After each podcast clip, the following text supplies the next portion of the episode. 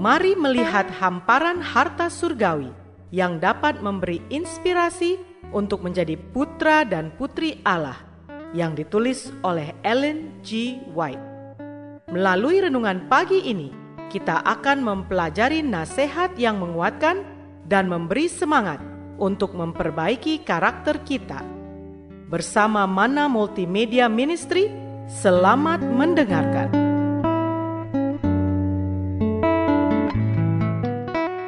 Shalom, selamat pagi saudaraku. Renungan pagi kita hari ini, 19 Oktober, berjudul Kita tinggal di dalam Dia dan Dia di dalam kita. Bersama saya, Samuel Nainggolan. Ayat intinya diambil dari Yohanes 6 ayat 56. Demikian firman Tuhan. Barang siapa makan dagingku dan minum darahku, ia tinggal di dalam aku, dan aku di dalam dia. Mari kita dengarkan penjelasannya. Perenungan akan firman Tuhan akan membuat kita bijaksana dalam hal keselamatan. Pengetahuan akan firman ini akan memastikan kebahagiaan kita dan keberhasilan kita dalam kesempurnaan karakter Kristen. Semua yang beriman menerima firman Tuhan akan menjadi pelaku firman itu.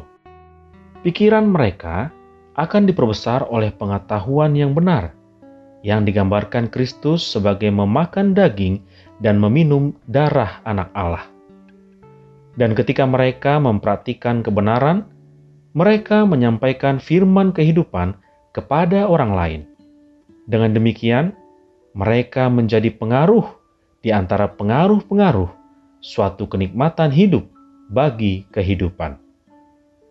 Kristus berkata, "Rohlah yang memberi hidup, daging sama sekali tidak berguna."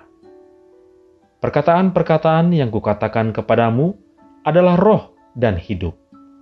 Barang siapa makan dagingku dan minum darahku, ia tinggal di dalam aku dan aku di dalam dia sama seperti Bapa yang hidup mengutus aku, dan aku hidup oleh Bapa, demikian juga barang siapa yang memakan aku akan hidup oleh aku.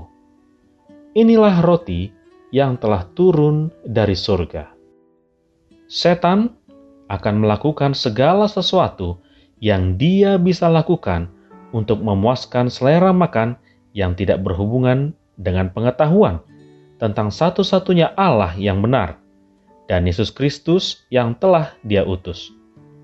Mereka yang mempertahankan sifat-sifat yang lebih kasar, yang terus mengungkapkan cacat manusia dalam kata-kata dan disposisi mereka, memberikan kesaksian bahwa mereka tidak memakan daging dan meminum darah anak Allah. Firman Allah yang tinggal di hatilah yang akan mempercepat kemampuan spiritual. Saudara-saudara yang kekasih di dalam Tuhan, Yesus telah mengasihi manusia dan telah membuat setiap ketentuan bahwa jiwa yang dibeli dengan darah akan memiliki kelahiran baru, kehidupan baru yang berasal dari kehidupannya sendiri.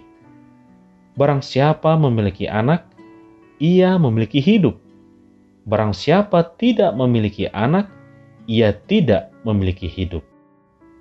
Mereka yang percaya kepada Kristus memperoleh kekuatan motif mereka dan bentuk karakter darinya dari Dia yang mereka percayai. Doa kita hari ini. Bapa, terima kasih melalui renungan pagi ini kami diingatkan untuk memiliki hubungan yang intim dengan Tuhan, menerima firman Tuhan, dan menjadi pelaku firman Tuhan. Terima kasih atas renungan pagi hari ini yang mengajari kami untuk menjadi bijaksana dalam hal keselamatan dan menjadi sempurna dalam karakter Kristen dengan perenungan dan pengetahuan akan firman Allah.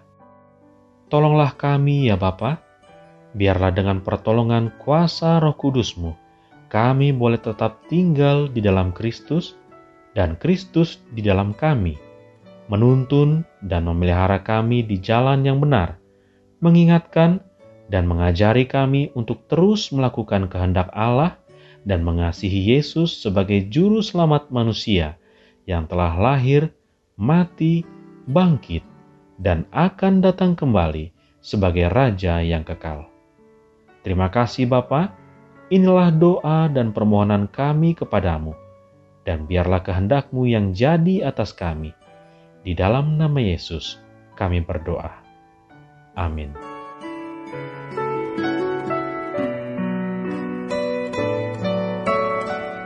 Demikianlah tadi pembahasan tentang menjadi putra dan putri Allah.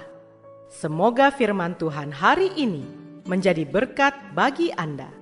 Sampai jumpa, Tuhan memberkati.